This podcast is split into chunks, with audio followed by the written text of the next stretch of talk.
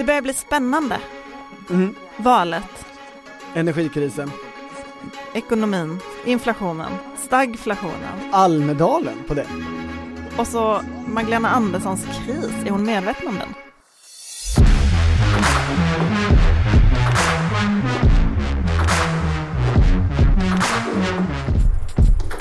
Det här är politiken med, eh, vad heter de nu? Maggie Strömberg. Maggie Strömberg och, Och- Torbjörn Nilsson.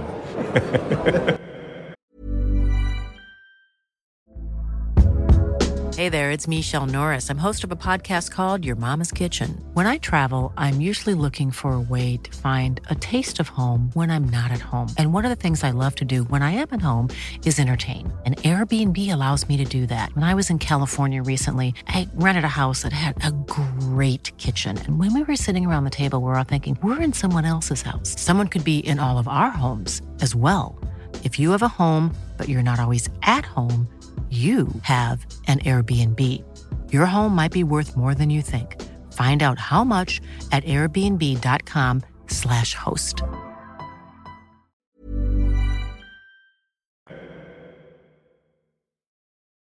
Idag röstar riksdagen om budgeten. Till slut, absolut. Ehm, och det kommer vara klart när den här podden kommer ut. Ja, Men det är inte klart nu när vi sitter i studion. och eftersom vi var borta förra veckan och hade semester så ignorerade vi hela det trasslet också.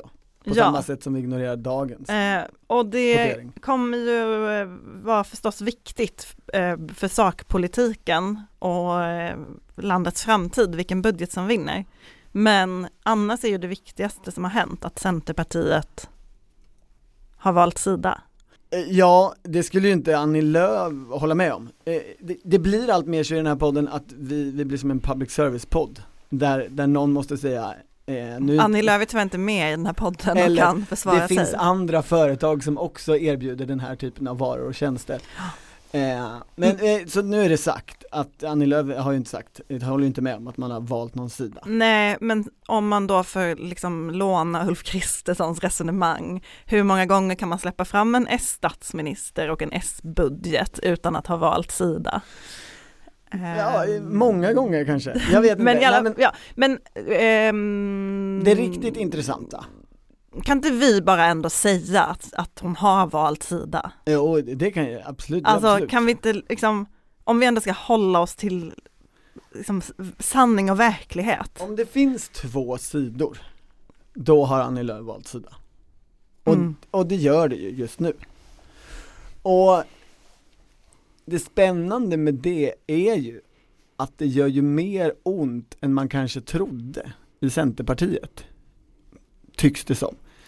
Alltså det här har ju varit en, en grej hela mandatperioden. Från januariavtalets bildande och hur man reagerade på det.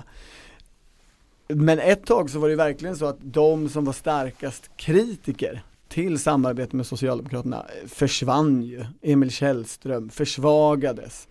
Eh, och liksom, Eskil Erlandsson. det, ja dessutom Fredrik Federley. Alla de som, som var tunga personer som ändå hade skarpa invändningar ända in i VU där på slutet med januariavtalet. De försvann ju. Men gör det så ont? ont? Förlåt, det är min uh, malmöitska som s- blir krånglig. Det gör ju vokaler. ont på fel ställe. Nej men för att jag tänker partiet. så här, alltså länge har det ju gjort ont och de har ju gnällt och de har eh, smsat på nätterna om sin identitetskris och Och Helena Lindahl Ehm. håller på i Västerbotten, det är det du eh, håller med? Nej, det var inte Helena Lindahl som Nej. smsade mig på nätterna vill jag bara tydliggöra, utan andra. Eh, men, eh, men jag, tyck- jag tycker det har varit ganska tyst nu ändå. Och lite som att man i partiet ändå har accepterat att det är, det är så här det kommer vara. Jo men på, För att det finns inget alternativ. på, på ett ställe i partiet, eller möjligen ett och ett halvt eller två, så har man inte gjort det, utan tvärtom blivit mer högljutt kritisk, nämligen i studentförbundet och i någon mån i ungdomsförbundet. Och det är det som är det episkt ro, ja, det är inte roligt, men det episka i detta. På 90-talet, när Olof Johansson budgetsamarbetade med Göran Persson och då övergav liksom den bildska regeringen och det fyrpartisamarbete i borgerligheten som fanns då. så var ju också Centerpartiet med på det. Förutom eh, studentförbundet och så småningom ungdomsförbundet. Och de som satt i studentförbundet då, de utgör antingen dagens Centerpartiledning eller är fostrade av den studentförbundsledningen. Det var Martin Ådahl. Det var Martin Ådahl, det var Elisabeth Thand Ringqvist som eh, nu är på väg in i riksdagen, det var Gustav Hemmingsson som är ledande i Centerpartist i Stockholmspolitiken och ytterligare några andra. Och hela deras idé eller deras skäl till att vara inne i politiken var ju att svänga Centerpartiet rätt. Tillbaka hem till borgerligheten. Tror du att de har gått och bett Olof Johansson om ursäkt nu? Det tror jag absolut inte. Men det skulle vara väldigt roligt att se. Olof Johansson är ju lite känd för att vara mm, Yvig. gramse eh, och butter. Mm. Eh, eller ha lite temperament, kanske till och med. Och, och, och kanske lite långsint också. Så det skulle vara en väldigt rolig scen att se. Men ehm, jag intervjuade Annie Lööf eh, för, i augusti, alltså jag har ju träffat henne sedan dess, men jag gjorde många långa intervjuer med henne, för jag skrev ett stort porträtt på henne då. Ehm, och då frågade jag henne om hon, hennes politiska arv skulle bli att hon blev den som tog Centerpartiet tillbaka till Socialdemokraterna. Och hon blev ju väldigt irriterad över den frågan och sa att nej, jag ser det här som en parentes i Centerpartiets historia. Och, Det du egentligen sa var, du Annie, fattar du att du håller på att bli Olle Johansson?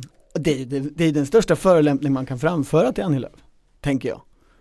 Ja, jag, ja det vet Så jag det inte så, det Det var, inte det, var- det var inte det jag menade, jag var bara intresserad av, för det handlade om att hon hade varit partiledare i tio år och jag var, satt och funderade över vad kommer hennes arv att bli. Ja det är ju en bra Eh, fråga. Man trodde ju att det skulle bli den som eh, den nyliberala statsministern, det är ju det hon själv gärna ville se. Mm. Eh, hon kanske tänker sig att hennes Kanske arv blir den som gör eh, Socialdemokraterna mer liberalt. Det är så hon kommer formulera det själv i sina memoarer. Jo men då har hon gått, om vi ska jämföra historiskt, då har hon i sådana fall gått från att vara, från att vara den nya Gösta Bohman som, som liksom driver en, en ny eh, liberal våg över landet till att bli Bertil Ohlin. Försöka påverka socialdemokratin att inte röra sig för mycket åt vänster. Ja, det är futtigare. Eh, Det, det, det, det, skulle inte folkpartister säga, de skulle aldrig säga att Bertil Ohlin var futtigare än Gösta Bohman, men eh, absolut. I alla fall, eh, om vi ska ta oss in till det här årtusendet. Okej. ehm, v- vad, vad, vad kommer vi få, få se för konsekvenser nu av det här vägvalet? Nej men det är ju i, bland de unga som det är intressant och den här partiledningen, det var väl det som var min poäng, vet ju verkligen hur det förr har gått till när studentförbundet och ungdomsförbundet liksom börjar argumentera emot.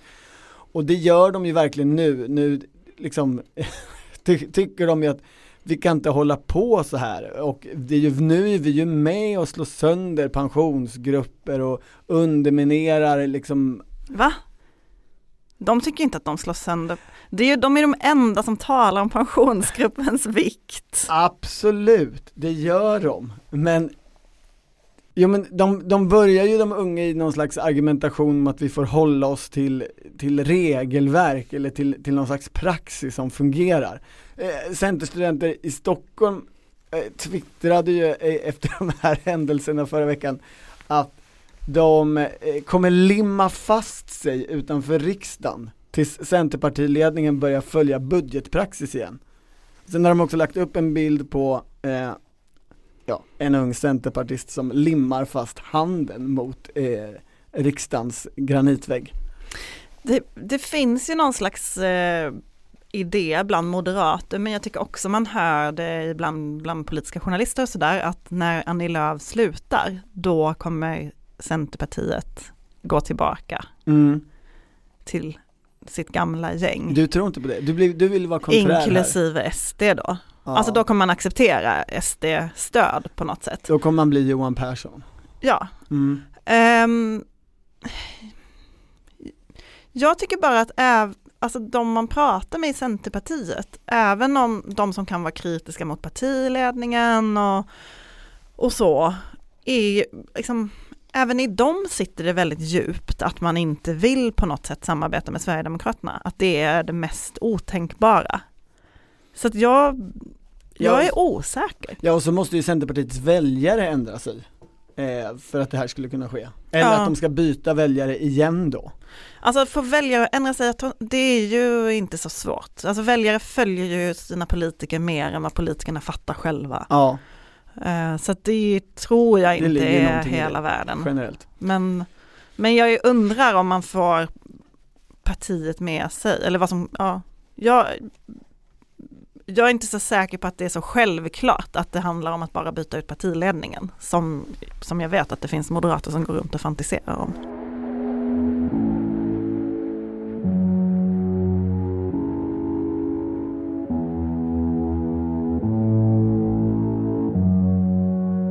Nej men lägg av nu, alltså så här.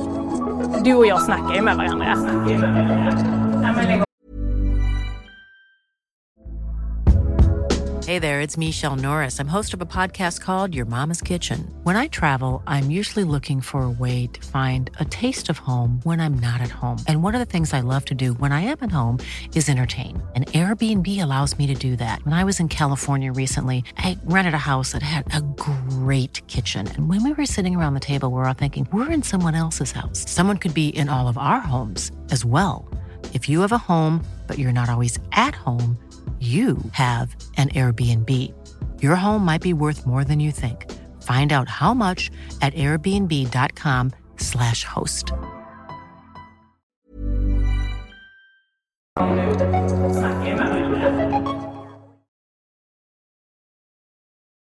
Ja men för oavsett Centerpartiets framtid och post Annie Lööf så Ja. handlar ju det här ändå om valet. Själva valdagen i september, Ja, hur 11 det ska september. gå då. Och jag tycker att vi är i en fas nu där man känner att det händer väldigt mycket som påverkar valet. Det har blivit mycket mer spännande. Eh, Det är mycket otydligare vad som kommer hända. Små saker verkar påverka.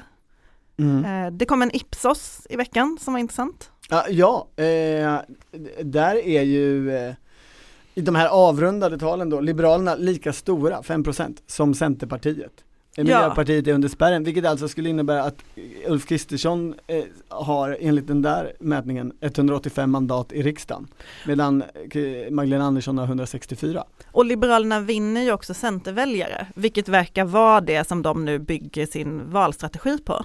Fast är det verkligen utrett i vilken utsträckning Liberalerna vinner Jag Centerväljare? läste det i artikeln i alla fall. Ja, jag, jag, jag, jag, där är juryn fortfarande ute tror jag. Men eh, Liberalerna säger, när de ringer en för att prata om sin fina valstrategi, Ja, som ju går ut på att locka medelklassväljare, om Ja. du har missat det. jag har hört Persson och Persson säga det. Ja. Mm. Ehm, då säger ju de att eh, i deras interna mätningar så ser de att alltså den, den, liksom, de flesta som står och väger av Centerväljare väger mellan S och C. Men att det ändå finns typ 20 procent. Jag är lite, vänta jag måste öppna här. Mm. Då vill En, jag bara eh, passa på att säga att, att de folkpartistiska eller liberalpartistiska Eh, En, en fjärdedel eller en tredjedel av Centerväljarna kan in, säger vill att de vill ha, ja, kan inte tänka sig, säger Liberalernas mätningar, säger Liberalerna att deras mätningar säger. Det var just det som var min poäng. Eh, Då vill vi verkligen betona här att de liberalpartistiska internmätningarna är ju kända för sin osedvanliga träffsäkerhet och pålitlighet. De är, de är ju de bästa mätningarna, bättre än alla andra. Ja, De är ju träff, de är ju, eh, de passar ju oftast Liberalernas agenda. Nåväl. Eh, Kommer du ihåg den tiden när, när liksom, det, det, alltså det är ju bara ett eller två år sedan, när de höll på med sina mätningar, för, först för att liksom få Nyamko Sabuni vald, sen för att få Nyamko Sabunis strategiska vägval.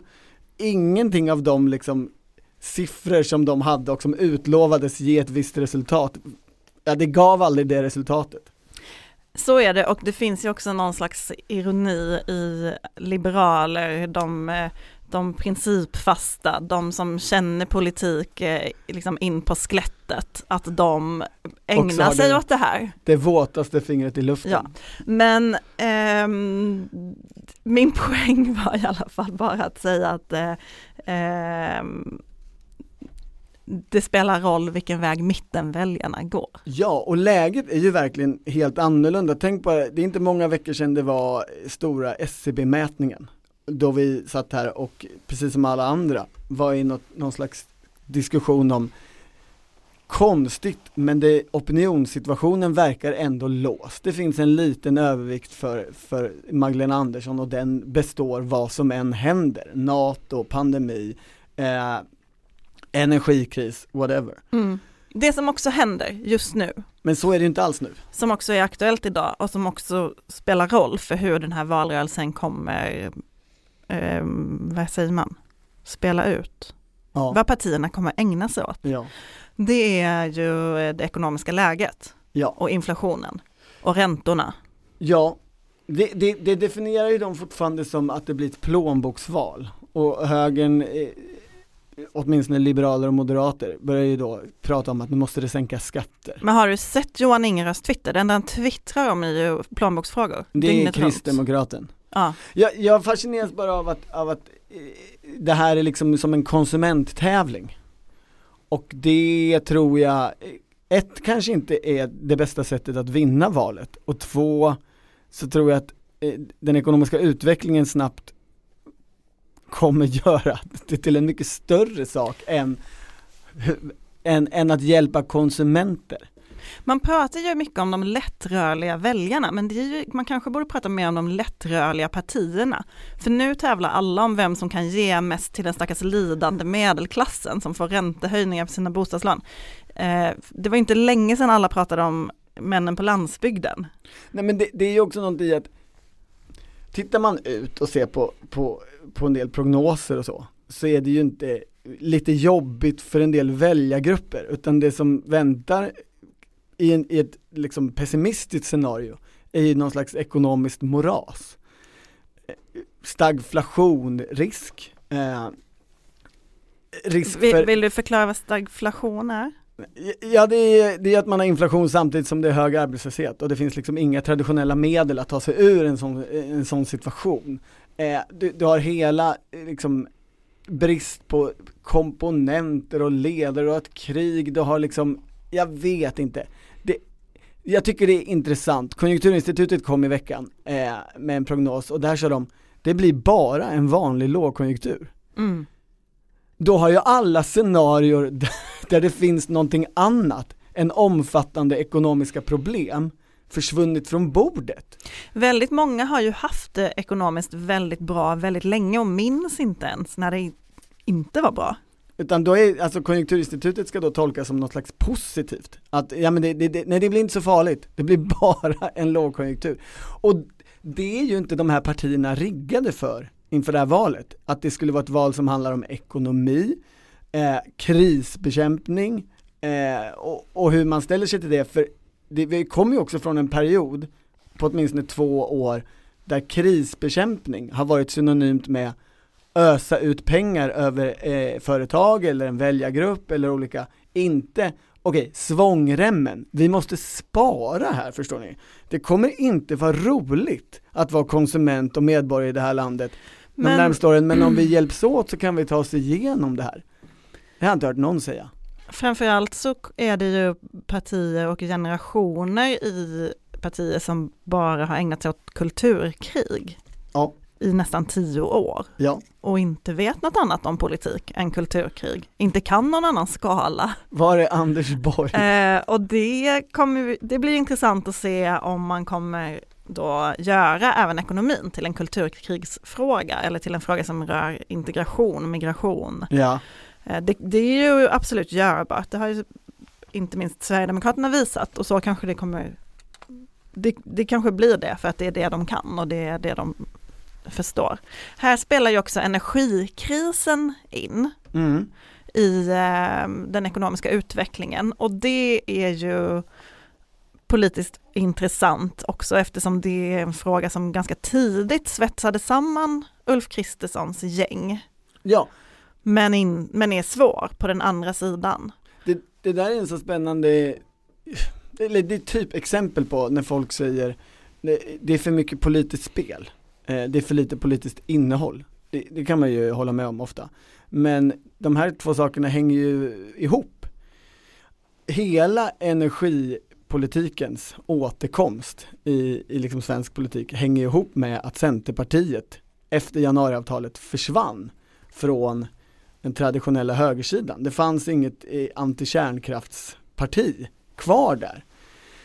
Och Vilket ju gjorde att de hade möjlighet att driva på det här och egentligen så, så deras liksom kärnkraftslobbyism har ju kommit igång innan energikrisen var en, en verklighet. Och blir ju nu uppenbart jobbigare och jobbigare för regeringen. Alltså om man tänker hur Magdalena Andersson lät när hon höll sitt installationstal i Göteborg Ja, i november. Då- Då var hon ju eh, spydigt hånfull mot idén om ny kärnkraft. ja. Och igår skickade hon ut Annika Strandhäll och Khashayar Farmanbar att öppna upp. Öppna upp åtminstone för förlängning av befintlig eh, och att eh, prata lite finare om kärnkraft. Och, det, Och, och kanske liksom, eh, vi kanske kan ha så, vi ska kanske ändå kan utreda sådana här små moduler som högern pratar om. Mm, och de vill ha gemensamma samtal då, Mm. eh, blocköverskridande samtal. En ny energiöverenskommelse är väl tanken att det ska mynna ut i efter nästa val vill de ha dem. Och man skulle ju, om man vore cyniskt lagd, kunna se detta som ett sätt att försöka begrava en ganska jobbig fråga inför valet. Eh, det är väl det minsta man kan säga. Det kommer de ju inte lyckas med. Eh, det, är ju, det kan man ju också säga på förhand. Så det är väl, det är väl att stämma lite grann i bäcken. Eh, man men- kan peka på men- detta när man får en fråga. Ja, men inte får man stopp på den här frågan eh, och man får ju absolut inte bort den från valrörelsen. Det, det kommer de inte lyckas med. God morgon, god morgon och välkommen till den fantastiska plats som kallas för Almedalen. Almedalen. På tal om valet Ja. så är det ju eh, också Almedalsvecka Det är det. snart. Supersnart. Förkortad i år. Jag har, måste jag säga, inte varit så här peppad på att åka till Almedalen sen första gången jag var där. Eh, som var 2007 tror jag. Varför är du så peppad på detta? Nej men eh, det har varit pandemi, eh, man har inte varit där. Nej. Och jag var inte heller där året innan pandemin för att då var jag jätteless på Almedalen och kände att jag står inte ut med att åka dit. Så du har glömt bort det här att man aldrig hittar någonstans att äta. Eh, hur liksom vinden, de kalla dagarna eh, och det snea regnet som kommer in från havet. eh, Jag älskar snett. in. Snett havsregn är min livsluft, det är, min, det är där jag kommer ifrån. Och, och det du, du finns inget underbara. efter, efter så här Almega som, som bara tar över Nej men grejen är stället. så här, det är förkortat, det är ju fyra dagar, partierna eh, delar på dagarna. Men det är också, folk satsar ju mycket mindre. Det är ju i princip inga medier som har, alltså det som har varit jobbigt med Almedalen har ju varit att det har blivit ett så himla mycket, ett jippo. Där eh, varje mediehus har ett tält där de håller på att stå och prata om saker istället för att bevaka saker. Och Volvo säljer, har det största tältet där de säljer Volvo-bilar. Och nu, nu kommer ju, Svenska Dagbladet har ingen scen, eh, Sveriges Radio har ingen scen, Aftonbladet har inte sitt stora tält. Det kommer vara, Expressen har givetvis kvar sin Mm. husbil eller whatever. Men, eh, och sin geting antar jag som kommer gå i parad. Men det är nedskalat och det är ju det man har drömt om. Och det bästa med Almedalen är ju eh, att få träffa människor. Ja. Och därför så har den här podden ett mingel Åh, just det. på Svenska Dagbladets innergård på tisdag kväll klockan åtta. Och eh, vi vill såklart jättegärna att våra lyssnare ska komma dit, de som befinner sig i Visby den här veckan. Eh, men alla kommer inte få plats. Så det är någon slags först till kvarn system Det är för, ett först till kvarn-system. Det finns några exklusiva platser till det här minglet för våra lyssnare och eh, då vill man komma på, på det så mejlar man till almedalen 2022 snabela svd.se Har vi bussar så i vi ett kan... ord, alltså Almedalen och sen 2022 snabela svd.se. Har vi bussar så vi kan få en allsidig social sammansättning? Och man får eh, också, om, om man blir en av dem som eh, får en biljett så får man också ta med sig någon. Man får en plus ett, så man behöver inte gå själv. Det låter supertrevligt oavsett om vi har bussar eller inte. Och om jag, jag fattar inte det här skämtet, det är så konstigt. Det är ju ingen allsidig sammansättning i Almedalen, var det det som var skämtet? Eh, nej, det, Var, Nej. det var bara ett skämt om först till kvarn, kösystem, Jaha. skolpolitiken, Ja. bussningen. Ja men jag förstår. Men Eh, om ni vill höra fler av Torbjörns skämt dåligt live så mejla almedalen 2022 svd.se. Nej, men jag, jag, jag, jag, jag är inte född att stå på, på en scen och DJ-battla. Nu ska du bara titta alltså? Ja, nu, nu ska jag dricka och titta. regeringssidans underlag, alltså socialdemokratiska sidans underlag håller ju på att krackelera. Mm. De har ett parti under spärren, de har eh, eh, ett samarbetsparti som under mandatperioden drömde och trodde om att de skulle vara på 12% plus i, i, vid den här tiden inför valet och nu ligger på Är vi på Centerpartiet nu? 5-6. Så det är Centerpartiet precis. Och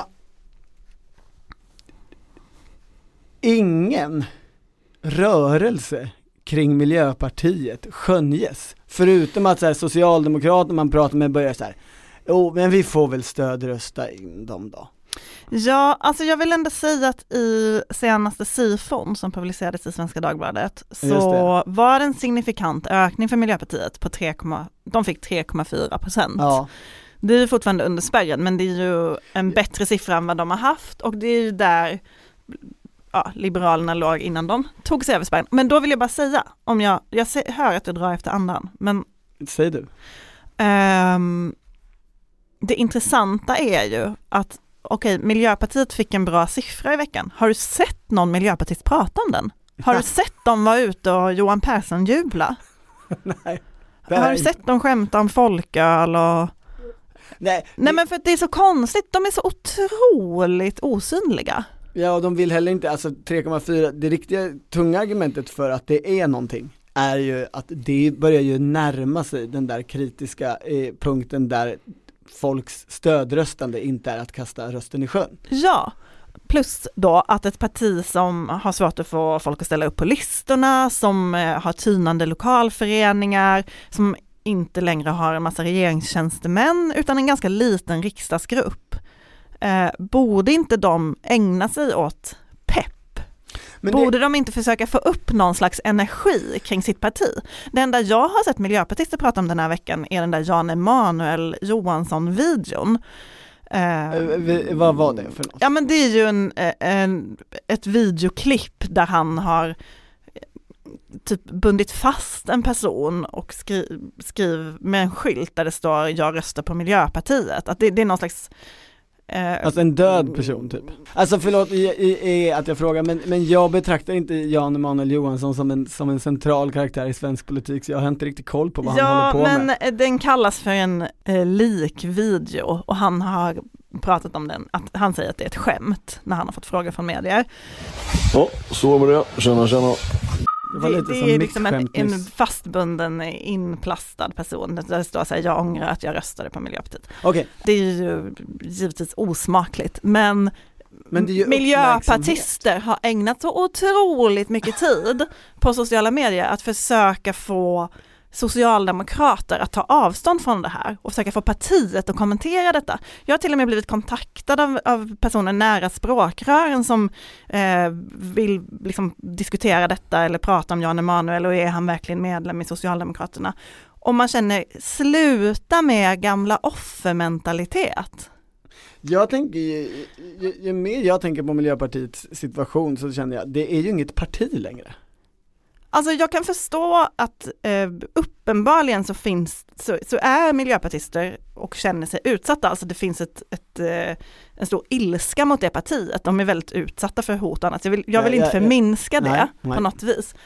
Men valstrategiskt tänker jag att det, det kanske inte är så smart att lägga sin, all sin energi på det. Det är lite som under flyktingkrisen 2015 när de hela tiden signalerade att det var jobbigare att vara miljöpartist än att vara flykting. Ja men, framförallt så får de ju, det är ju det är inte som att de har någon gemensam jag kan, inte, jag kan inte ta mig vidare utan att, få, utan att säga det som du vill ha som ditt unika för det är det enda jag har att säga eh, om det här och du har massor Ja men andra saker att säga. säg det då. Ja, och tack. så, och så, så säg, kan jag, då kan du säga de där gamla och så kan jag säga de där jag har pratat med på sistone då. Mm? Jo men och det är det jag någonstans menar att det är ett så konstigt, eller det är nästan som att det inte är ett parti alls längre. Alltså i alla andra partier som börjar krisa så hör man ju både utåt och internt hur veteraner kliver in och ändå tar hand om eller bryr sig om sin skapelse. Alltså, när hörde du det, det borde ju finnas någon, någon slags lite liksom krisinsikt och panikkänsla här hos figurer som Peter Eriksson, Maria Wetterstrand, Per Gahrton, eh, Carl Schlüter, han har i och för sig lämnat partiet men alltså han är väl ändå för att Miljöpartiet ska existera i riksdagen på något sätt. Eh, Alice Bah Kuhnke. om inte annat så kandiderar ju fortfarande hans sambo till Ja men det är ju in, det är inte som att de kommer ut här och Nej, men och jag- gör sig tillgängliga för medier, skriver debattartiklar, bryr sig på något sätt. Alltså, de verkar inte vilja att Miljöpartiet ska komma in i riksdagen. Alltså jag vill ändå säga att Maria Wetterstrand har ju precis börjat göra en podd ihop med Alice Bah Kuhnke där de Ja. två sitter och pratar. Det är ju partiets två stjärnor. Jag, jag lyssnade Ehm, på den. Hur var den? Alltså den handlade inte om att Miljöpartiet behövs i svensk politik i alla fall. Den handlade, så långt jag lyssnade, jag kom nog kanske inte till slutet, eventuellt. Eh, så handlar den om olika personliga egenheter och hur de lärde känna varandra och, och hur de umgicks i, i Bryssel under pandemin.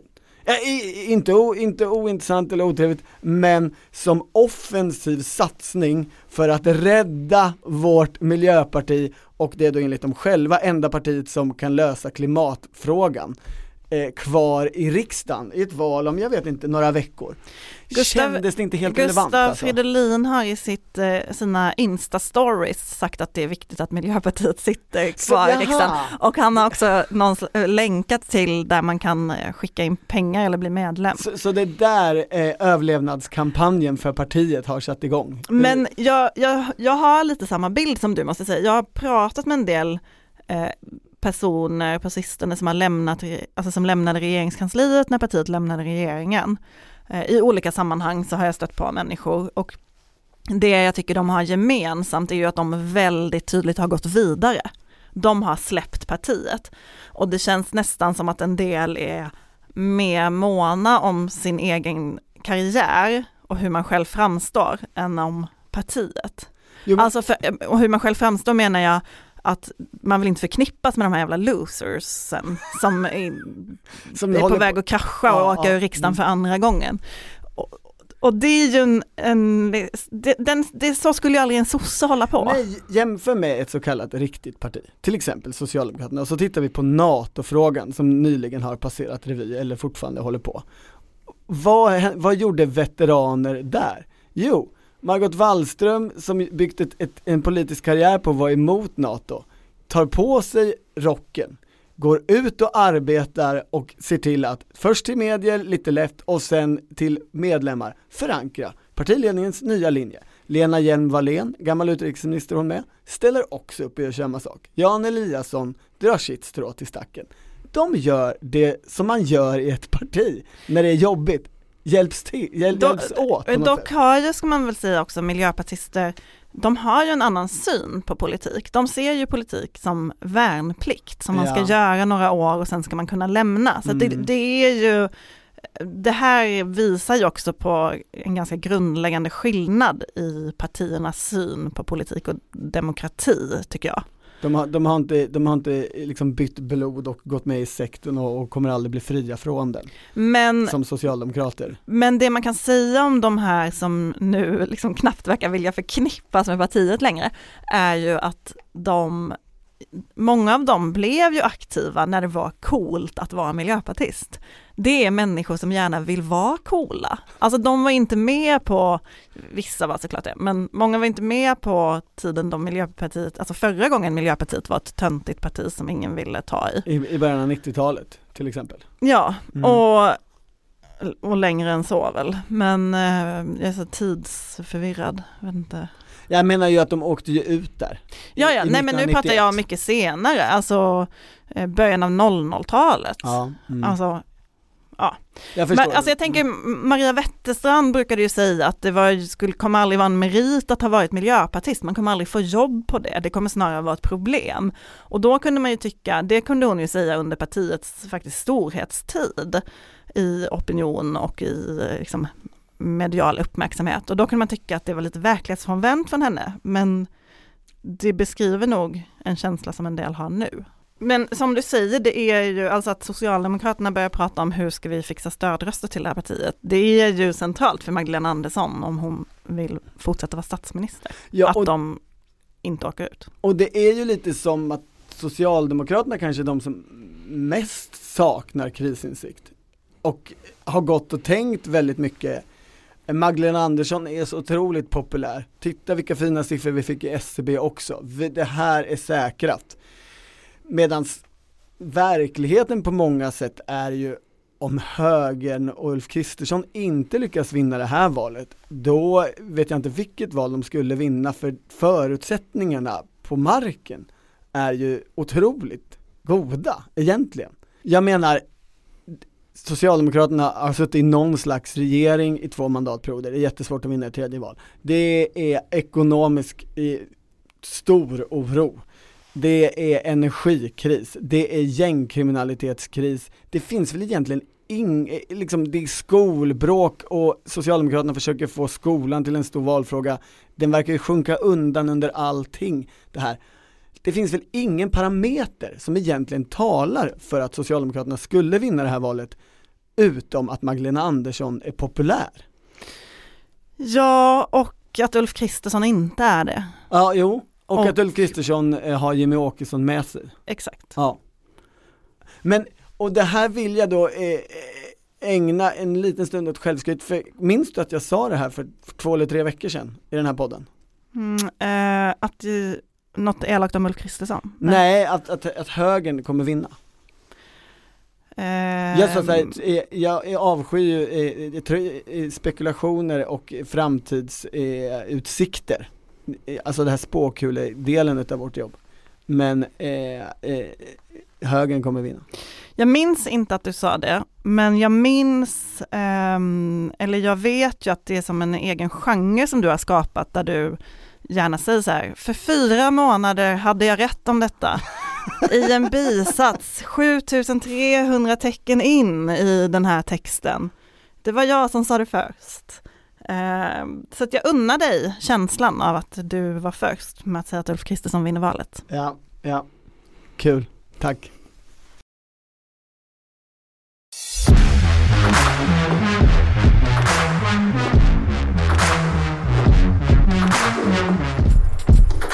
Har lyssnat på Politiken, en podd från Svenska Dagbladet. Producent var Martina Pierrot.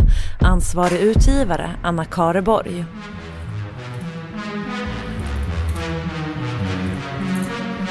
Tack för att du lyssnade och ta hand om varandra.